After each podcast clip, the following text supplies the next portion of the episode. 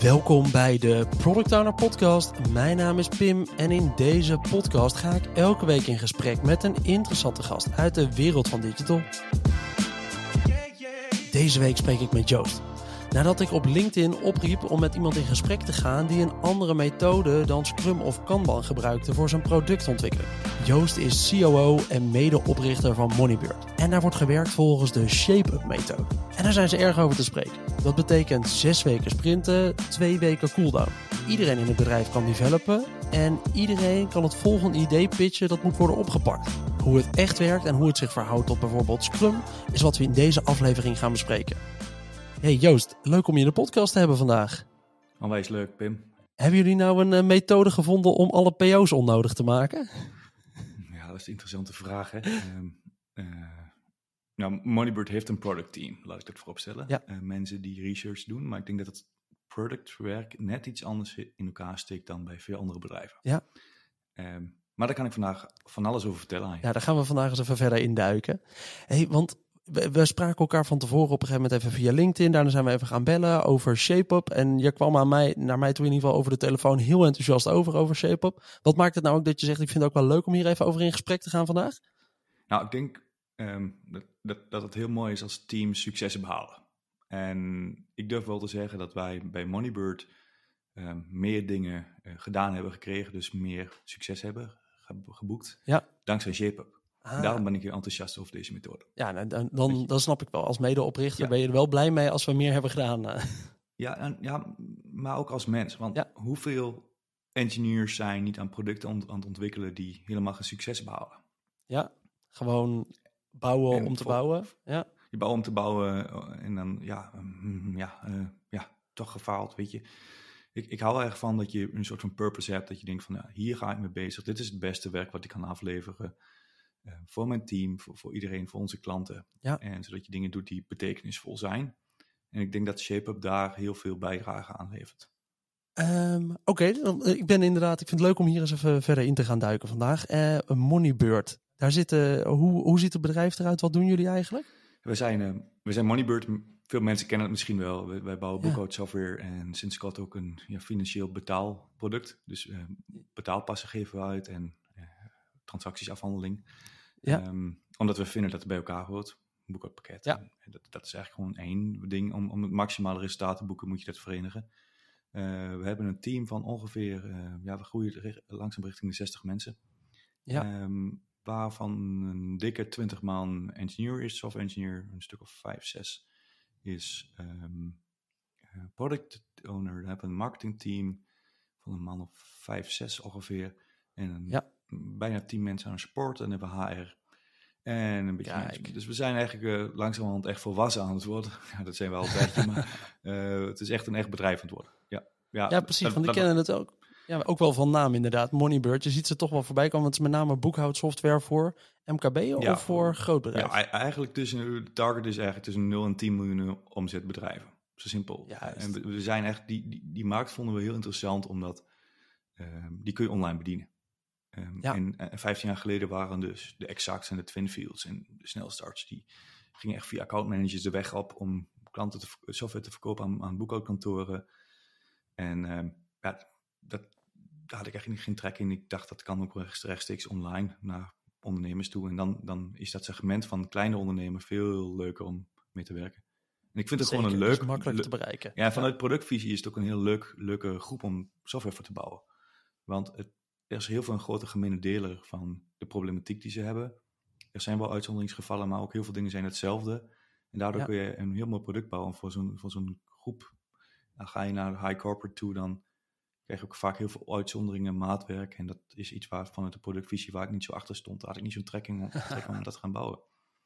Ja, die snap ik wel. Dus inderdaad, dit is een groep die eigenlijk op de gemene deler zit van wat ze moeten hebben in een boekhoudsoftwarepakket. Dus die zijn eigenlijk beter te groepen ook onder één productvisie en daar een goede online tool voor te bouwen. Ja, eh, het grootste deel van de markt wel. Er zijn wat uitzonderingen, bijvoorbeeld brandspecifieke eisen. Ja, precies. En, maar goed, dat is dan wat het is. Ja, ah, tuurlijk. Want je zei, er zit nog wel een productteam bij. Oké, nou dan gaan we toch maar eens eventjes wat verder die methode in. Want jullie hebben niet altijd ShapeUp gebruikt als productontwikkelingsmethode. Dat is pas sinds een paar jaar volgens mij. Jullie Mhm. bestaan ondertussen al 15 jaar. Eh, wat voor eh, productontwikkelingsmethodes hebben jullie nog meer gebruikt? Ja, ik zou eigenlijk drie fasen willen onderscheiden. Namelijk die, die beginfase van ehm, Edwin en mij en eh, destijds ook Berend. Dat wij dat we heel basic een factuurpakketje waren en dat we request hadden en dat we dingen eigenlijk, zo, eigenlijk zonder om soms te overleggen al kleine verbeteringen maakten. Ja. Dat is een, vaak een fase die je ehm, als productontwikkelaar volgens mij ziet in de begintijd van oké, dit is een klein dingetje, dat kleine dingetje moet gewoon gebeuren. Je bent dan ook nog heel pril. Ja. Je hebt dan, je hebt dan ook echt nog een, echt een heel minimal product. En daar zijn de verbeteringen die je maakt, die zijn best wel vanzelfsprekend meestal, zo zou ik het durven zeggen. Ja. Bijvoorbeeld, ja, heel plat gezegd, dat je een factuur stuurt, betekent ook dat je een factuur wilt herinneren. Daar heb je geen lange discussies over. Ook de capaciteit en de uren die je erin steekt zijn vaak beperkt. Namelijk features van een dag of twee dagen of vier dagen. Dan komt er een fase waarin je denk ik je team groeit. In ons geval denk ik naar een man of 7 of 8 team engineering. En, en alle, laat ik dan even het product deel dan even dat bepakken en de rest om even, omheen even buiten, buiten school laten. Ehm, dat team, dan, dan worden dingen iets groter. Dan zie je ook dat mensen moeten weten waar ze aan toe zijn, maar ook de, de userbase wordt ook groter. Dus de dingen, die kwaliteit die je moet opleveren, die wordt ook, wordt ook meer van verwacht.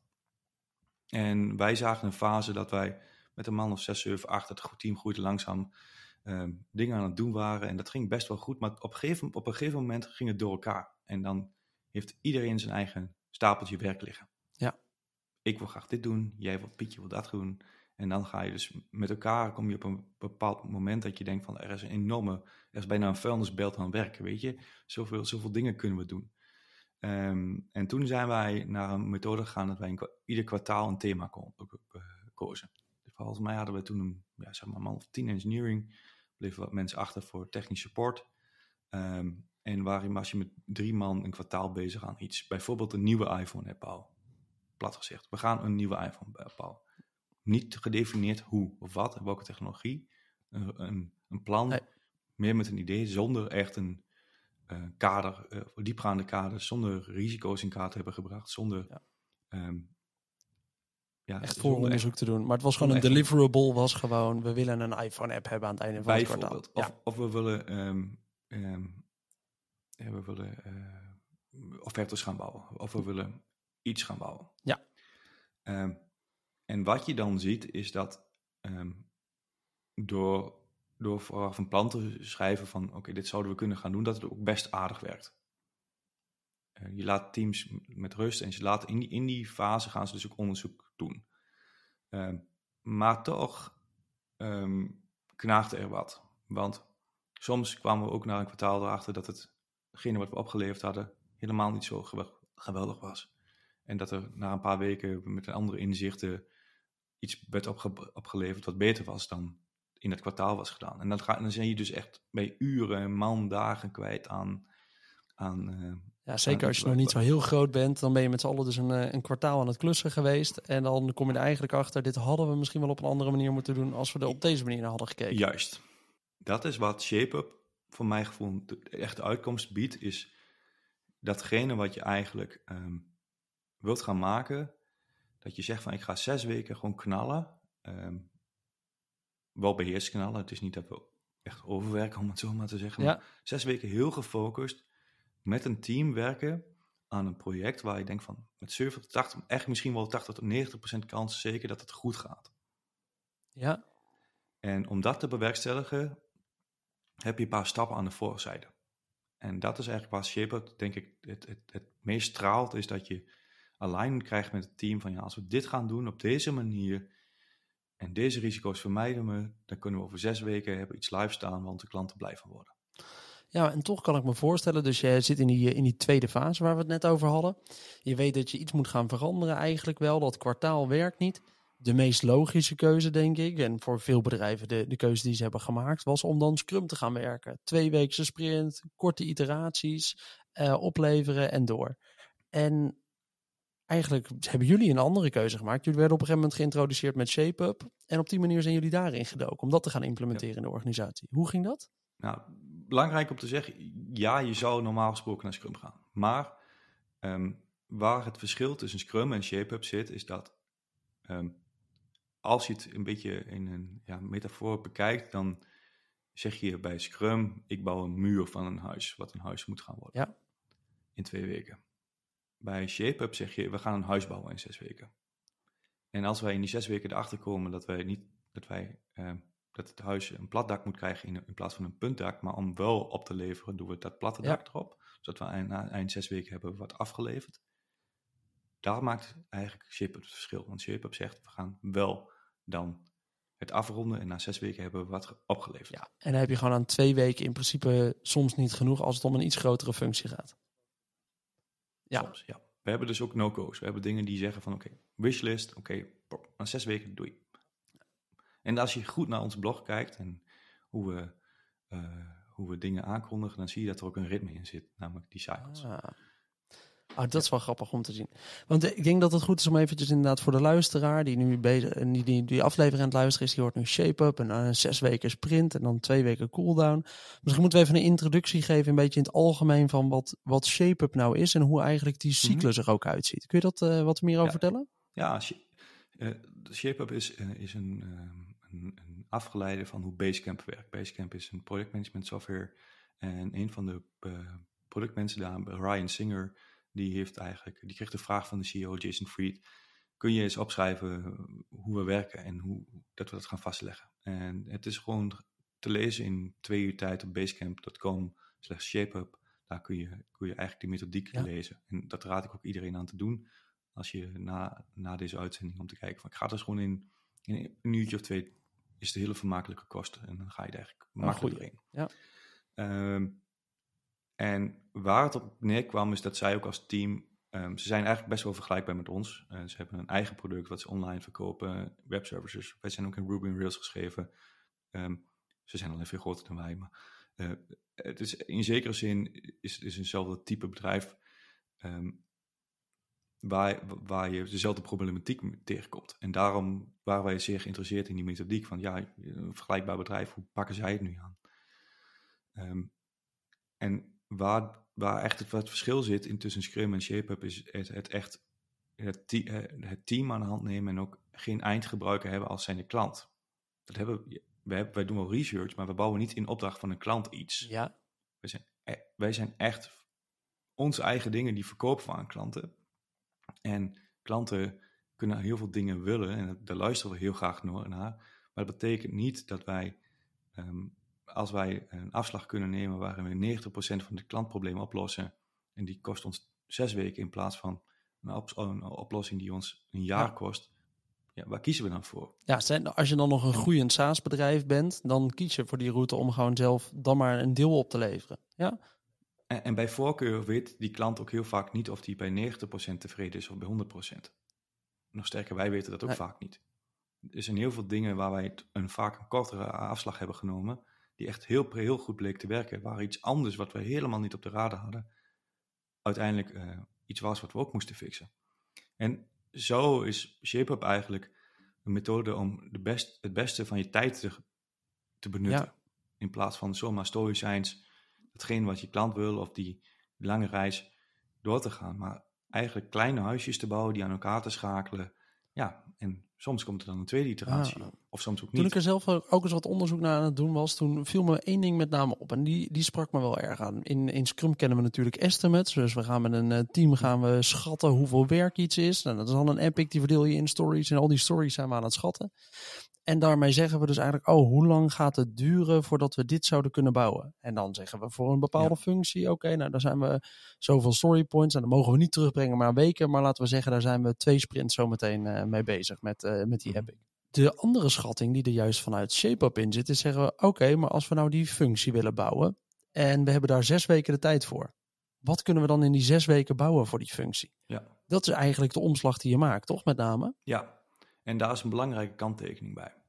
Um, ShapeUp definieert een. Dat, dat beschrijft eigenlijk dat je een probleem solved hebt voordat je aan het project begint. En ik kan het aan de hand van een voorbeeld heel makkelijk aan je uitleggen. Moneybird heeft time tracking. Ja? Um, time tracking, dus je kunt uren loggen. En ehm, dan kun je van het hele team de totale berekenen, rapportages inzien, omzetten naar facturen. Ja. Nou, nou is er heel praktisch gezien, als je de, stel je voor, je hebt een team van 50 mensen die een jaar lang ehm, heel veel entries heeft in de database heeft gemaakt en je wilt daar de totale van berekenen voor een bepaalde klant. Level. Dan kan dat op verschillende manieren. Namelijk, je kunt al die dingen in de database ophalen en ehm, je kunt dat, ehm, je kunt dat op, op, op, op Ruby niveau of op Java niveau de totale berekenen. Je kunt een JavaScript in de frontend totale berekenen. En je kunt het in een database doen. En dan kom je ook nog met het probleem dat je timezones hebt. Weet je, ehm, je begint om tien uur s avonds op de dag voordat de klok vooruit wordt gezet.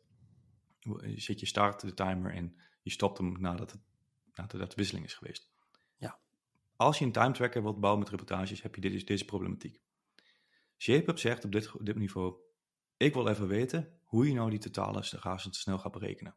Dus in mijn geval, voordat ik aan een projectpage begin, voordat ik Storypunch bedrijf, dan zeggen wij nee, dat, dat gaan we niet in het project doen, dat gaan we voor het project doen in de research. Juist. En daar zijn die twee weken soort van cooldown voor, hè? om dit soort dingen voor te Ja, bereiden, en dat, toch? dat is ook de rol van onze productteam mensen. Om research te doen naar van waar, waar zitten nu de hekelpunten, zodat wij als, wij als we klaar zijn, het team op weg sturen en niet met een blinddoek op, maar aardig van oké, dit, is- dit, is, dit is het soft. En dat is wat ShapeUp doet. Die, Ja. die, neemt een, die neemt echt een moment van tijd om te zeggen, maar dit is een mogelijke, op, mogelijke oplossing, dit pad kunnen we in, wat ik net zeg. We kunnen het op database niveau berekenen, we kunnen het op Ruby niveau berekenen of in JavaScript. Wat gaan we doen en waarom? Zodat je dat soort dingen, wat wij dus in die kwartaalprojecten wel deden, waar we dat, toen daar waren we er echt wel over na nadenken, dat doen we nu niet. We zeggen, Ja. ehm, oké, we willen het solved hebben. En ik had van de week een hele leuke, leuke discussie met Casper Bakker van Picker en Ryan Singer en wat andere mensen mee over ShapeUp, die, die vroegen zich af van hoe, hoe lang kan een pitch maken nou duren? En bij ons is dat gewoon het eerlijke antwoord. Ik denk dat de snelste pitch in een dag geschreven wordt, maar er zijn ook pitches die meerdere jaren op de plank liggen. En die we niet uitvoeren, omdat wij nog niet het gevoel hebben dat we de perfecte oplossing in kaart hebben. Oké. En dat is best wel typisch. We, gaan niet, we stappen niet ergens in als, we, als het niet solved is. Ja. En met soft bedoel je dan Het dat er bij zo'n. De- bij zo'n pitch moet eigenlijk een, ook een POC liggen. eh, Waarbij je het concept kan bewijzen. hey, dit is hoe we het eigenlijk willen gaan oppakken. Als we dus die, die informatie ergens vandaan willen halen, dan willen we het hier vandaan halen. Dit is de POC. We hebben het al gedaan op een kleine set. Ja. Alleen nu wordt het, moet het worden uitgebouwd als een grote data of als een groot, grote functie. Die we ook ergens naar de frontend toe kunnen gaan brengen. Ja, nadrukkelijk. En Juist. dat, dat maken van zo'n POC, dat ehm, ehm, kan soms lang duren. Maar heel vaak is het eh, voor een engineer een paar uurtjes werken. Ja. En, en dan is de vraag, kun je dat verantwoorden? En mijn antwoord is heel hard ja. Ehm, want als jij een dag of twee dagen of drie dagen werk bent met een proof of concept en je gaat zes weken capaciteit van drie engineers eh, eh, gebruiken, lijkt me het logisch dat je daar wat tegenover zet voordat je die bed maakt. Dat je die gok neemt om dat te gaan doen. Ja. En als je dat dus niet doet, dan krijg je dus een casus dat je eigenlijk het, gevaar loopt dat je dingen bouwt die eigenlijk helemaal nergens toe, doen. En je krijgt teleurstelling bij jezelf, bij je medewerkers, bij je, bij, bij je klanten. En eigenlijk zie ik Shapers dus eigenlijk, een manier, Shapers dus eigenlijk als manier om een soort van feestje te vieren, om, enthousiast te zijn aan het eind van, ja, van zo'n van zo'n van zo'n cycle. Precies. Maar uiteindelijk kun je, heb je ook als je, als je ShapeUp gebruikt in zo'n zesweekse sprint en dan heb je die cooldown. Maar er kunnen ook productieproblemen ontstaan. Of Zeker. er ontstaat iets, een spoedje tussendoor, waardoor het werk niet afgaat. Ja, wij, wij hoe, gaan we, Ja. hoe ga je daarmee om? Ja, dat is, dat is, een, is een dingetje. Ehm, we, hebben een, we hebben verschillende tracks. We zijn dus met 20 mensen. We draaien meestal vier tracks die aan een product, eh, aan een pitch werken. En één track, dat zijn de support engineers. Ja. En ehm, daar zitten drie, twee, drie mensen in, een beetje op vakantie, soms vier. Die eigenlijk ehm, alle problemen die technisch voortkomen proberen te ondersteunen. Dat betekent niet dat we alles kunnen oplossen.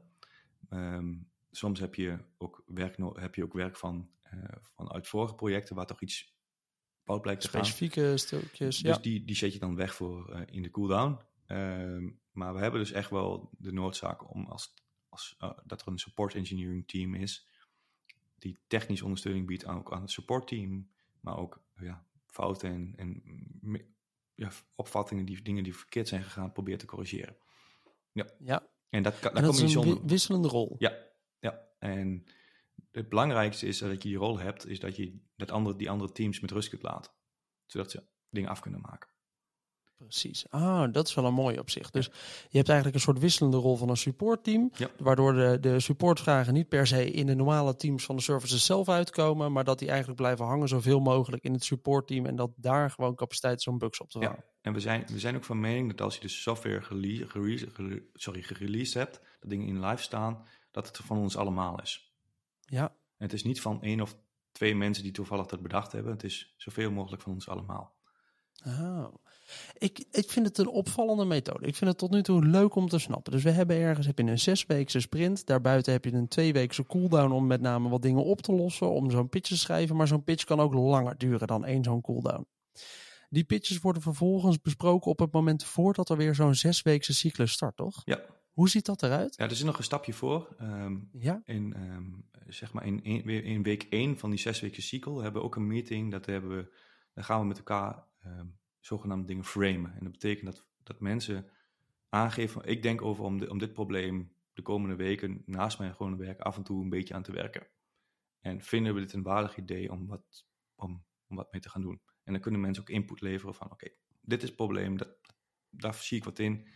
Sommige, soms zal ook iemand zeggen, ja, deze persoon is op vakantie, maar die weet hier eigenlijk heel veel van het onderwerp, laat even liggen. Dan Ja. worden dus eigenlijk tijdens die zesweekse cycle, worden door de productmensen, maar ook soms een beetje engineering capaciteit, worden pitches geshaped. En die zijn, die worden eigenlijk woensdag voor het einde van die cooldown periode, in het dus dan ben je dus eigenlijk 7,5 week later, liggen die op de betting table. ah, Voor Moneybird betekent dat dat we ongeveer tussen de 10 en 12 pitches hebben liggen. Ja. Ehm, en die moeten echt woens- dinsdag, woensdag moeten die echt klaar zijn. En dan hebben we letterlijk vrijdag de, de Big Project Meeting. Die bepaalt, en daar, daar zit de afgevaardigde van het hele team in. Dus van, van support zit een afvaardiging van marketing. En eh, ik en, en, en Edwin en engineering team. En iedereen kan Ja. meeluisteren om te bepalen, zodat we alignment krijgen wat we gaan doen op maandag. Dus we zijn, afgelopen vrijdag hadden we die meeting. Vrijdag wisten we niet wat we maandag gingen doen. Natuurlijk zijn er dingen die soms Ja. high priority zijn. Zeker over, als het die zitten er gewoon tussen. ja, Ja, ja. of als het over security gaat bijvoorbeeld. Of als dingen echt... eh, Regelgeving en dat soort ja, zaken. die hebben. Ja, ja. Die, die, die, die, hebben, die kun je niet, daar kun je niet onderuit. Eh, dat proberen we wel te vermijden overigens. Dat, dat, dat is, dat, dat je, dat je, maar die pitches kunnen voelen alsof ze doorgedrukt worden. Maar dat, soms heb je dat. En zeker nu met ons meer eh betaalrekeningproduct heb je soms meer compliance dingetjes die, die echt ge- gefixt wilt hebben.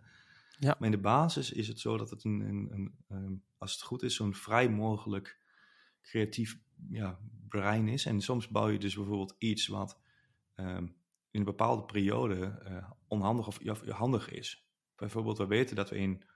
eh, we hebben, bij Moneybird heb je BTW-maanden. Dat zijn de maanden waarin klanten aan BTW-aangifte doen. Dan heeft ons supportteam drukt.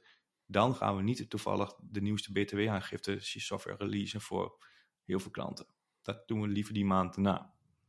Ja. Ehm, en zo zijn er meer dingen die soms in een soort van tijdzones in het jaar, zeg maar in de velden van het jaar, logischer zijn om te releasen dan andere momenten.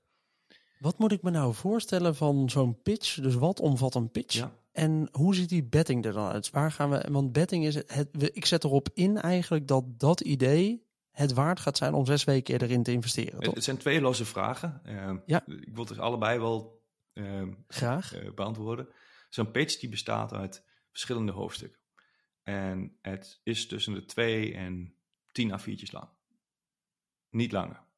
Ehm, er staat in ten eerste wie het gebouwd heeft, wie, wie eraan geschreven heeft en wie het gereviewd heeft. Dat betekent ook van de verschillende, verschillende dis- disciplines.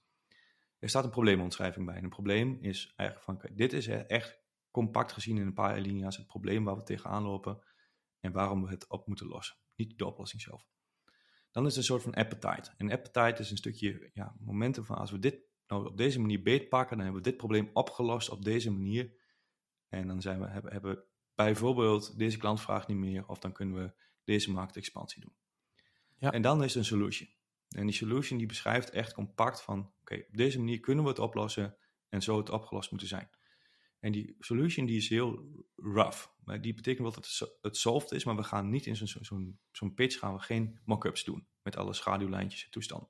Want dat kunnen we allemaal voorstellen. Iedereen bij Moneybird heeft een voorstellingsvermogen dat als je een, een, vierkantje tekent met een formulier elementje in, dat dat, hoe dat eruit gaat zien. Maar die discussie over een schaduwlijn of, of een... ehm, Een club, eh, Eh, kleur van een dat knop willen we en niet dat hebben. soort zaken. Maar daar Ja. gaat het niet om. Daar, daar kunnen we echt, dat is echt de tijd, is, niet, is daar niet voor. Ehm, maar wel hoe de schermen met elkaar in verbinding staan. Dat als ik opslaan klik, wat, op welk scherm kom ik dan terug? En is dan de oplossing haalbaar?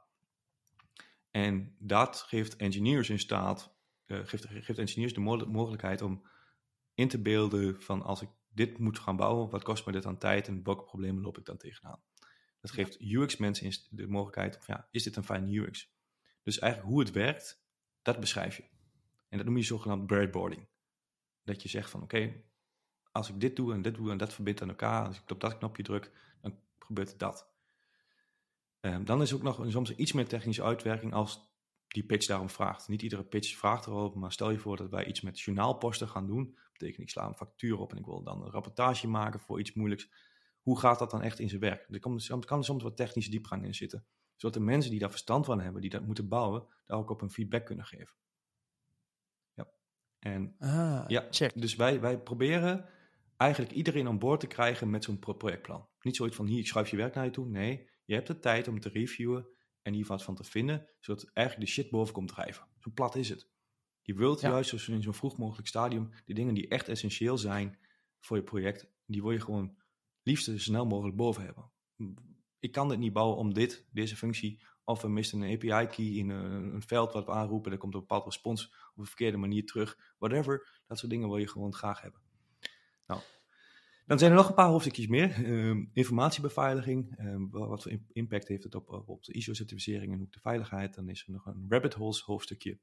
Ehm, en er is een, hoofdstukje eh, eh, over eh, marketing en support. Dus Ja. hoe gaan we het embedden in ons, hoe gaan we het vermarkten? Gaan we, gaan we daar eh, een blogpost over schrijven of gaan we misschien een journalist eh, benaderen? Eh, maar ook hoe gaan we het in de kennisbank opnemen? En daar geven ook mensen, ons supportteam geeft ook feedback op. Van ja, dit is bijvoorbeeld, ja, we moeten al deze screenshots vervangen omdat we dit gaan doen. Of deze video's die zijn verouderd omdat dit zo nodig vervangen moet worden.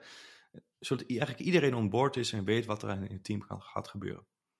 Juist. Hoeveel is klantonderzoek nou nog onderdeel dan van het maken van zo'n pitch deck? Het ligt er heel erg aan wat voor een project je hebt. Ehm, Want voor, voor mij als, eh, als iemand als PO binnen een Scrum team ben ik heel veel bezig met die klant goed begrijpen. En snappen dat ik niet als een klant zegt, oh maar ik wil deze functie op de website accepteren dat we die functie moeten gaan bouwen. Maar gaan uitzoeken als in, wat zoek je dan achter die functie? Nee, wat is hetgeen wat ik daarachter denk zit? dat er twee paden zijn. En eentje is Ja. scratch your own itch. Wij zijn zelf ook ondernemers. We zijn echt niet achterlijk over hoe bepaalde dingen werken. Ehm, en dat is essentieel ook. Dat zijn de dingen die we de eerste jaren in Moneybird gebouwd hebben. En dat doen we af en toe nog. Ehm, Ja. De dingen die, waar jij en, en, en andere ondernemers die je kent ook denken van ja, dit gaan we gewoon op deze manier doen. En ik hou daar ook, Herkenbare problemen. herken. Maar ik denk ook dat het heel goed is als je dat, dat op die manier wilt doen. Want de feedback, die krijg je dan vanzelf. En dan kun je vanzelf weer itereren en verbeteren. Er zijn Ja. ook problemen die wij echt moeten onderzoeken. En die liggen vaak bijvoorbeeld in de, in de rol van een, van een boekhouder. Die Moneybird ook gebruikt. Dat zijn we zelf niet. En laatst hadden we bijvoorbeeld een, feature die hebben we ge- gereleased om ehm, sneller correcties te maken. Dus eh, ik heb heel veel journaalposten en ik wil, of ik heb heel veel facturen en ik wil in één keer in, in een grotere, ja, in een grotere order, in eigenlijk, een ja. wil je dingen van de ene journaalpost op de andere zetten. Of je wilt dingen die controleren. Nou, dat zijn echt de dingen waar wij, waar onze productie mensen gesprekken aangaan en dingen valideren en op onderzoek uitgaan. Juist. Hoe is die rol van, die product, van dat productteam wat je dus nog hebt tijdens die zesweekse sprint? Zijn zij alleen maar dan in de tussentijd bezig met het voorbereiden van die nieuwe pitch decks voor, daar, voor de periode daarna? Of hebben ze ook nog een rol tijdens zo'n eh, zesweekse sprint? Beide. En dat wisselt een beetje. Ze zijn dus soms, ehm, sowieso zijn ze, zijn ze echt druk met het, het begeleiden dat die product echt goed wordt. Want ook, ook een product, ook je kunt iets bedenken, maar ja, de proof is in the pudding. Ehm, Ja. Je komt altijd scenario's tegen die je van tevoren niet bedacht hebt. En het werkt niet lekker en het voelt anders. En die de- details en die finishing touch, die ligt echt wel bij de productmensen. niet ieder product wat we bouwen is, uh, niet iedere feature die we bouwen, die heeft heel veel aandacht nodig. Uh, soms wel, we hebben ook een heel design system en soms ligt het voor de hand. En het kan zijn dat een product van die zes weken tijd, maar maar twee weken tijd bezig is met, met het bouwen van een feature, uh, het ontwerpen van de schermen. Het kan ook zijn dat er twee of drie productdesigners nodig zijn. Dus dat wisselt een beetje. Dat zit een beetje een mengeling in. En we hebben ook wat mensen die, um, waar het aandachtsgebied iets anders ligt dan waar ze meer op research zitten en uh, het supportteam ook uh, ondersteunen. In, in, ja, het onderzoeken van welke, welke klantvragen uh, komen er nu binnen die we nog kunnen verbeteren ten aanzien van, van bepaalde dingen die we gereleased hebben. Want er komen ook altijd dingen, dingen bovendrijven. En vanuit die dat perspectief um, is het eigenlijk een heel gemeleerde rol. Maar we hebben wel een soort van technisch inzicht vereisen we. Want om zo'n pitch te kunnen schrijven moet je wel of samen met een engineer moet je het soft kunnen maken. En ik denk dat wij daar wel. Um, ja, we zijn niet op zoek naar mensen die alleen maar schermpjes kunnen ontwerpen en vervolgens niet snappen hoe het aan de achterkant werkt. En dat, Juist, en dat is wel een verschil. Hè? Dus iedereen moet er ook aan mee kunnen werken. Ja, je hoeft, niet, je hoeft niet echt je hoeft niet de meest complexe post-queries queries te kunnen schrijven. Maar nee. je moet wel snappen hoe iets, hoe iets op de achterkant werkt om, om mee te kunnen praten met die mensen. We hebben twee dingen volgens mij nog niet geraakt die ik nog heel graag even wil begrijpen. En nog even voor onze luisteraars uh, beet wil pakken. Mhm. En dat is één nog dat betting. Dus wanneer maak je nou de keuze op welk pro, uh, welke pitch we eigenlijk gaan oppakken? En twee is die samenstelling van die teams. Want ja. als ik het goed begrijp, wisselt die eigenlijk elke keer per project wat je aan gaat pakken. Ja. Nu ga ik proberen die twee vragen tegelijk te beantwoorden. um, die betting die betekent, betekent eigenlijk dat we gewoon aankondigen, we gaan betten. En dat is een Google Meet sessie waarin in iemand van het productteam de sessielijst, aan, aan de linkerkant van het scherm staat een lijstje met alle pitches en die slepen we van naar boven en naar onder.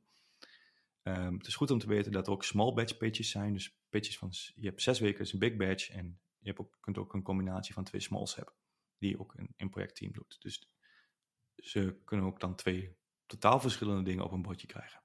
Ja. Um, en eigenlijk gaat het al gewoon in overleg. Iedereen heeft een bijna gelijke stem. En zou ik haast willen zeggen van dit is logisch om te doen. En zeker de laatste tijd zijn we veel met banking-achtige tool, tooling bezig. En die, willen daar gewoon een stap in maken. Maar we, we delen elkaars opvattingen. En het belangrijkste is dat we aan het eind van die, van, van die sessie, die ongeveer een uur duurt, met elkaar over alignment krijgen. Zeg maar, dit gaan we doen. En even de rest, ook, ook al heb je een geweldige pitch geschreven, het ziet echt goed in elkaar. Die complimenten mogen ook uitgesproken worden, maar maandag niet. Ah. En dat is een mentaal ding. Ik heb ook echt, ik ben soms wel eens door juniors of mensen van de, van de, van de, van de betting table afge, afgeduwd. Ja. En dat ik echt bijna aan het tieren was van, joh, ik heb toch echt zoveel werk ingezet. Maar dat is goed. ja, dat is, ja. dat, maar dat is mentaal iets. En, um, maar dat betekent wel dat je met elkaar de keuze maakt, hier gaan we voor, want dit gaat lukken. En, want echt, het is niks vermoeiender als je allemaal dingen door elkaar gaat doen en dingen niet afmaakt. Want dan gaat je bedrijf niet vooruit. Dus, nee. En, eigenlijk is het gewoon een proces van ja, ik steek mijn hand op, ik vind dit goed en we, we kunnen argumenteren. En soms zijn het ook wel discussies, maar bij voorkeur vinden de discussies plaats tijdens het review van de pitches. Dus iedereen deelt die pitches via Google Docs of Whimsical, wat we gebruiken. Geeft feedback op. En het kan ook zijn dat soms pitches gewoon echt geschreven moeten worden van ja, denk van ja, deze aanpak heb je leuk gedacht, bedacht, maar dit is veel makkelijker, veel beter te onderhouden. Gaan we lekker niet doen, die die jouw aanpak. Ja. Kijk, en dan wordt het dus gezegd, dus we hebben een uh, twee small batches, dat gaat naar een, uh, naar een team toe. Ja. En dat team moet vervolgens eigenlijk samen worden gesteld weer uit die groep mensen. Ja, dus maandag na die, na die vrijdag waar we, waar we die betting hebben gedaan, dan, dan, dan hebben we een lijst van pitches. En dat zijn vaak vier, vijf pitches. Um, en als er twee small batches zijn, worden die aan elkaar geplakt. En daar gaan we dan definiëren welke expertises we nodig hebben. Bijvoorbeeld voor time tracking zou je iets in de frontend willen doen om die schermpjes te, te kunnen bouwen. Je zult iets met Postgres, met database queries moeten kunnen doen om bepaalde dingen slimmer te maken. Nou, en, en basic werk in Ruby on Rails. Het is niet een heel complex, moeilijk project om dat te bouwen. Maar ik geef een, even een voorbeeld. Ja. Er zou ook projecten kunnen zijn waar je uh, op, op veel technisch niveau iets bepaalde skills nodig hebt. En we, we, definiëren eigenlijk de drie belangrijkste skills die je als project, als project nodig hebt om succesvol te kunnen zijn. Want we willen ook succes, succesvol zijn. Toch? We willen iets moois bouwen, we willen dus eindstreep halen. Dus dan moet je ook het team hebben wat erbij past. Vervolgens vragen we aan alle Moneybird engineers en productmensen van waar uh, ligt jouw skillset in deze? En geef jezelf, ik voel me een beginner, ik weet er aardig wat van, of ik, ik ben gevorderd. Die drie status kun je, kun je zelf geven. In eentje, tweetje, drietje noemen wij het. En wij zeggen, we willen voor iedere expertise minimaal iemand in het team hebben zitten die gevorderd is en die echt thuis is in het onderwerp. En daar mag ook best iemand bij zitten die uh, niet die beginner is. Zodat je ook... Ja, die je nog wil leren. Leren. En daardoor krijg je dus een beetje een generalistische aanpak. Dat je als je, als je bij Moneybird werkt, um, je hebt bij ons drie, vier jaar gewerkt, dan heb je echt heel veel gezien. In plaats van dat jij die in eilandbewoner bent. Ja, die, in één team zat en altijd de Postgres deed voor één, uh, één bepaalde ja, service. En als je op vakantie gaat, dan word je lastig gevallen omdat jij die query geschreven hebt. En um, iemand in die je code niet snapt. Dus ik hou van teams die best wel verdeeld zijn. En ik weet dat wij daar een, soms een beetje vreemde in het bijt zijn. We hebben ook wel mensen die daarom niet bij ons willen werken, maar ook heel veel mensen die juist wel willen werken bij ons, omdat ze die hoofdverantwoordelijkheid vaak kunnen delen met mensen. Omdat ze, ze weten, hey, ja, we doen dit allemaal samen op dit stukje code. Ja. En ik kan erop van op uitgaan dat ik, als ik iets bedenk, dat ik andere collega's heb die het ook kunnen en mij scherp kunnen houden en kunnen verbeteren. Ja. En dat is, dat is dus waarom wij dus bijvoorbeeld ook niet een specifieke Android of een iOS developer hebben. Nee, er zijn gewoon mensen die het kunnen. ja. ja, en de realiteit is als, als je een, we hebben Moneybirds in Flutter geschreven. En als jij nog nooit in Flutter hebt gedaan en je gaat eens een cycle in Flutter werken, dan kun je heel veel in Flutter. Als je, de, als je echt goede mensen om je heen hebt zitten. Ja, verbinden we echt Moneybird aan elkaar. En dat, dat vind ik echt super leuk. En ik denk ook echt dat veel engineering teams daar de mist in gaan als ze continu, continu een soort van eilandbewoners creëren. Ja. En daardoor ontstaat er paniek als iemand weggaat. En dat, is, dat heeft ook effect op mensen. Ze kunnen niet blijven leren. Ze, de ja, je wilt, je wilt vooruit gaan. Ja. Ik merk dat er bij, ons vertrekken heel weinig mensen. En ik vind dat heel prettig om op lange termijn met mensen te blijven werken. En ook ja, het generalistische beeld van Moneybird te zien. Van als ik dit doe, dan heeft het impact op I. En als ik daar wat verander, dan moet ik ook hier aan denken. Ja. En dat ah. volgens mij maakt goede teams. Ja, ik vind het echt cool. Ik vind het leuk om dit wat beter te snappen, Joost. Ik denk dat je een leuke introductie hebt gegeven. Nou, heb je deze aflevering nou geluisterd en denk ik, ik wil het nog iets meer beeldend hebben. Er zijn ook best wel een paar goede video's gemaakt ondertussen door uh, die gasten van Basecamp over uh, hoe Shape eigenlijk werkt. Ja, Ryan Singer heeft een paar hele leuke video's gemaakt. En die zijn echt, die zijn misschien nog ja, zeker beter dan deze podcast. Die gewoon in een kwartier echt het heel goede concept uitleggen. Ja. En dan, ja, volgens mij kun je niks anders dan enthousiast worden. Of tenminste cherrypicking doen uit bepaalde dingen die jij op dit moment doet. Precies. Wat ik nog wel even wil begrijpen, Joost. Wat is nou voor je gevoel wel de beperking aan ShapeUp? Wat mist er eigenlijk in? Of heb je ze er al uitgehaald door een beetje cherry te pikken en te zeggen, dit doen we bijvoorbeeld niet? We hebben wel wat dingen voor onszelf bepaald. Ehm, ehm, net iets anders hoe we dingen doen. Maar eigenlijk is hoe ShapeUp opgeschreven heeft, um, definieert, het niet precies hoe je organisatie werkt. Dat, dat die, datgene van die gevorderde teams die het generatie leren, dat, ja, dat heb ik denk ik ingebracht. Er zijn ook teams, ik denk als ik naar Basecamp zelf kijk, dan zitten eigenlijk alleen maar super senior mensen. Ja. en ja, zij hebben die mogelijkheid. Ik vind het ook heel erg leuk om met mensen die afgestudeerd zijn te werken en successen mee te behalen. Dus dat is denk ik dat wij ingebracht hebben. Dat zit niet standaard in ShapeUp. Ja, precies. Um, maar ik denk ook eigenlijk dat ieder bedrijf zijn eigen kernwaarde moet toevoegen aan bepaalde methodiek. Absoluut. Want dat maakt je uniek, dat maakt wie je bent, hoe je drivet. En te veel kopiëren. Ik zou het ook echt niet, ik zou ook niet zeggen kopieer de Moneybird methode. Maar kijk naar van en experimenteer wat, je, wat goed voor je werkt. En dat is ook een tip die ik altijd geef aan, ondernemers durf te experimenteren. En het leuke allemaal dat je nu helemaal voor overtuigd bent om Scrum te gebruiken. En dat kan. En volgens mij is er ook niks mis mee. Maar wat is er op tegen om nou eens één cycle wat anders te gaan doen op een andere manier? En wat zijn nou echt je risico's om te veranderen? En vaak zijn die risico's behoorlijk beperkt. Wij kwamen van een kwartaal af en zei ik wil gewoon een zes weken project om shape te gaan doen. Wat kan ons gebeuren? En er waren wat mensen die ja, ah, lastig, lastig, ja. Ja, nou, het viel eigenlijk wel mee. Was, was, was wel veel enthousiasme. Maar ook al, um, ook al was het niet goed bevallen, dan is het, dan is het zes weken. En al doe je het inderdaad met een klein aantal teams. Voor wat voor bedrijven, dus als je nou PO bent in wat voor organisatie, zou je iets eraan hebben ook om het hiermee te gaan proberen? Want als je een grote corporate bent, dan weten we dat, je, dat het heel lastig zal worden. Maar is het dan inderdaad met name het SaaS-bedrijf zoals jullie, wat met 60 mensen is, wat op deze manier heel goed kan werken? Ja, ik hoor ook al van grotere corporates die het ook al gebruiken. Ehm, omdat, het, omdat vanuit zeker van het management eh, best wel gedragen wordt van ik wil gewoon na zes weken weer iets releasen. Dus, dus, dat, dat is niet het punt. Maar ik denk dat ehm, ik denk dat het lastiger wordt als je software op maatwerk bouwt. Dat is, dat, dat is, mm, daar is misschien minder geschikt voor. Ehm, als je een beetje een soort van tussen uh, iets, een product wat modules bouwt, wat voor de ene klant wel of niet gebruikt wordt, en de andere is het denk ik heel, heel geschikt. En, of het al, en zeker voor, voor tools als Moneybird is het, is het eigenlijk extreem geschikt om, om niet, te, niet te veel tijd te verliezen in, in alles wat je doet. En ook met name alignment creëren tussen mensen. En ik denk dat je als je een team vanaf twee, drie, vier mensen bent, dat, dat het dan ook gaat. Ja, oh, mooi. Ja, ik vond het echt leuk om hier eens even een keertje in te duiken, Joost. Uh, thanks dat je ook even een beetje hebt toegelicht hoe jullie dat bij Moneybird nou doen. Uh, wat mij part inderdaad nou, precies wat ik een beetje zocht in mijn LinkedIn oproepje. Ja, wie heeft er eigenlijk een andere leuke methode dan uh, Scrum of Kanban van werken? ik kende het nog niet. Ik vind het leuk om het nu wat beter te, te, te, snappen. Heb je nou inderdaad na deze aflevering nog een paar dingen waarvan je denkt, ook zou het wel beter willen snappen? Dan zijn die blog, die blog van jullie op, op Moneybirds is sterk. Maar ook die video's die je online kan vinden hierover. Um, en eigenlijk heb je een grote tip al wel gegeven. Ja, normaal vraag ik het, maar je zei net, ja, wat is er mis met een keertje experimenteren? Ja, kijk eens of dat je misschien dit wel kan proberen met een, met een deel van een team in ieder geval. En, uh, en hoe dat dan zou gaan.